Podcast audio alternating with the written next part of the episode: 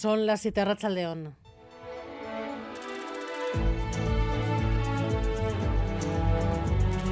Gambara con Arancha García.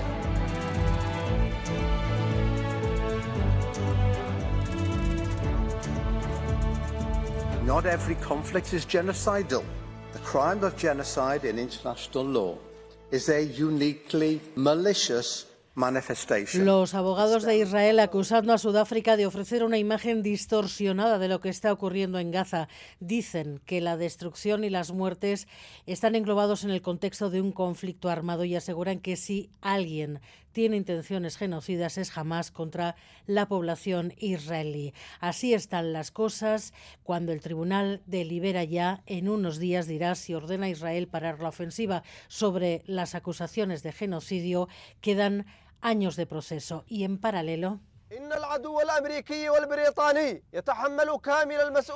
en paralelo, los hutíes prometiendo respuesta a los ataques de Estados Unidos y Reino Unido a Maya Esteban. Primera respuesta conjunta al acoso de los hutíes a los barcos que cruzan el Mar Rojo. El ataque de aviones de Estados Unidos y Reino Unido a posiciones de los hutíes en Yemen extiende el conflicto a un tercer frente, aunque de momento de manera contenida. Estados Unidos aclara que no buscan un conflicto con Irán, solo defender el paso de los barcos. Y el primer ministro británico Rishi Sunak ha declarado que Reino Unido y sus aliados no durarán a la hora de garantizar la seguridad de la navegación comercial. Y por aliados entiende Estados Unidos, porque de momento no puede contar con la Unión Europea, aunque Bruselas estaría preparando una misión a la zona con función de asesoramiento sin mandato de combate. España ya ha dejado claro que sus tropas para mantener la paz no se centrarán en ese punto del planeta. La ministra Margarita Robles dice que Estados Unidos no le ha presionado para unirse militarmente en este nuevo frente. España valora y decide en qué misiones está. Nosotros no entramos a juzgar las actuaciones de otros países.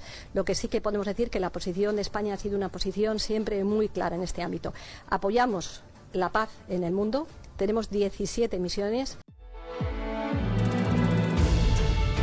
1.134 euros. A partir de ahora, este es el salario mínimo tras la subida del 5% acordada hoy. Unos 50.000 trabajadores vascos se van a beneficiar de esta nueva subida, sobre todo jóvenes y mujeres que siguen siendo el nicho de los empleos precarios. Garis Suárez.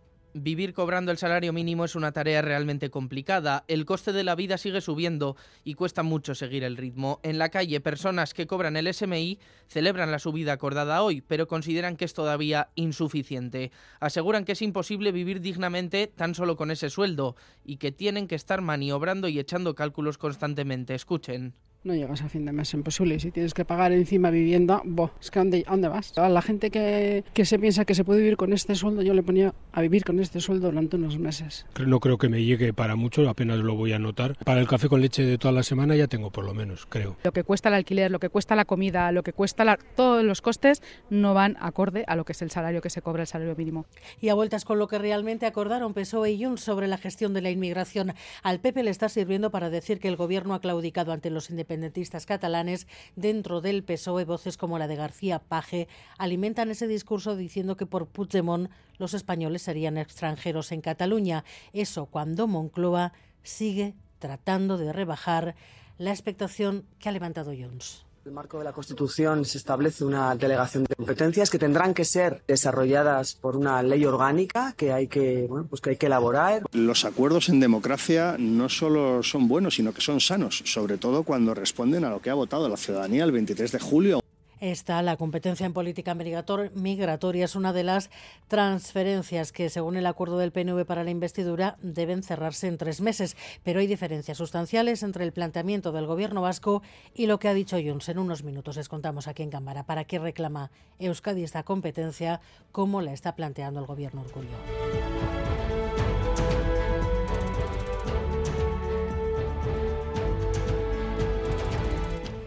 Y en una de las icastolas de Donostia en las que empieza uno de los últimos ensayos para la tamborrada, falta solo una semana, David Veramendi, Racha León.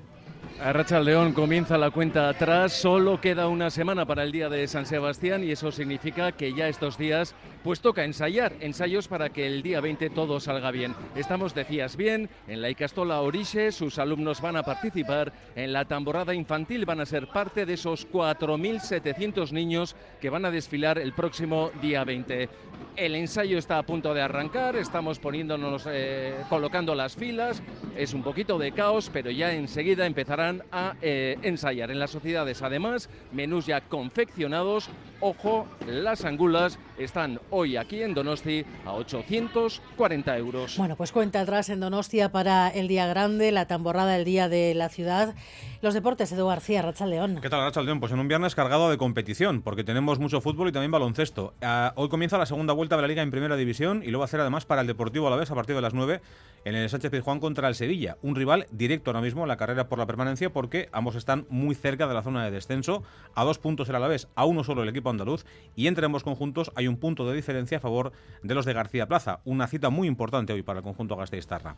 También arranca la segunda vuelta de la Liga en Segunda División. A las ocho y media en Ipurúa el Eibar recibe al Racing con otro objetivo, el de adelantar el equipo cántaro en la clasificación para recuperar plaza en la zona de promoción de ascenso a Primera División. Ojo al Racing, que es uno de los conjuntos revelación de la temporada, que está sexto en la, en la, tabla clasificatoria y que viene haciendo muy bien las cosas. Y a las ocho y media también tenemos baloncesto, la jornada 21 de la Euroliga en el Bues Arena, el partido número 300 que se va a jugar en Vitoria en esta competición, casi nada, el partido 750 de Dusko Ivanovic como técnico de Basconia, otro récord para el técnico montenegrino, y el partido se las trae. Basconia Olympiacos, un clásico del torneo, el equipo griego tiene una victoria más que los vasconistas, hay que volver a ganar después de dos derrotas seguidas en el torneo continental. Bueno, pues muchas cosas, mucha actualidad en el deporte. Miguel Ortiz y Alberto Zubeldía están en la dirección técnica, Cristina Vázquez en la producción. Comenzamos.